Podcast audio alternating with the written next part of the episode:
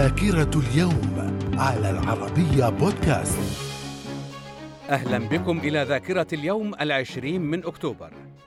في عام 1798 اندلاع ثورة القاهرة الأولى ضد الحملة الفرنسية على مصر وراح ضحيتها حوالي 2500 مصري بينما قتل من الفرنسيين 16 فردا فقط بينهم جنرال. من الذاكرة. في عام 1919 الكونغرس الأمريكي يتبنى قانونا يحظر كل المشروبات المسكرة في الولايات المتحدة.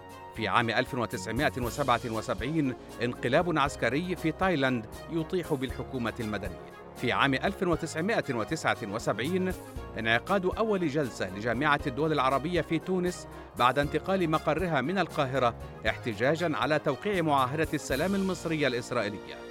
وأكد المشاركون في الجلسة إقرار العقوبات السياسية والاقتصادية بحق مصر كما تم تعليق عضويتها في الجامعة من الذاكرة في عام 1981 الاتحاد السوفيتي يمنح بعثة منظمة التحرير الفلسطينية بموسكو صفة دبلوماسية.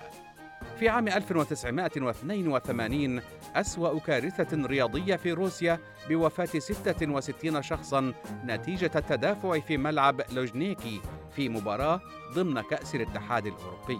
في عام 2011 المجلس الوطني الانتقالي في ليبيا يعلن مقتل معمر القذافي. من الذاكرة. في عام 1910 الشيخ محمد عبد الرحمن بيصار شيخ الجامع الأزهر.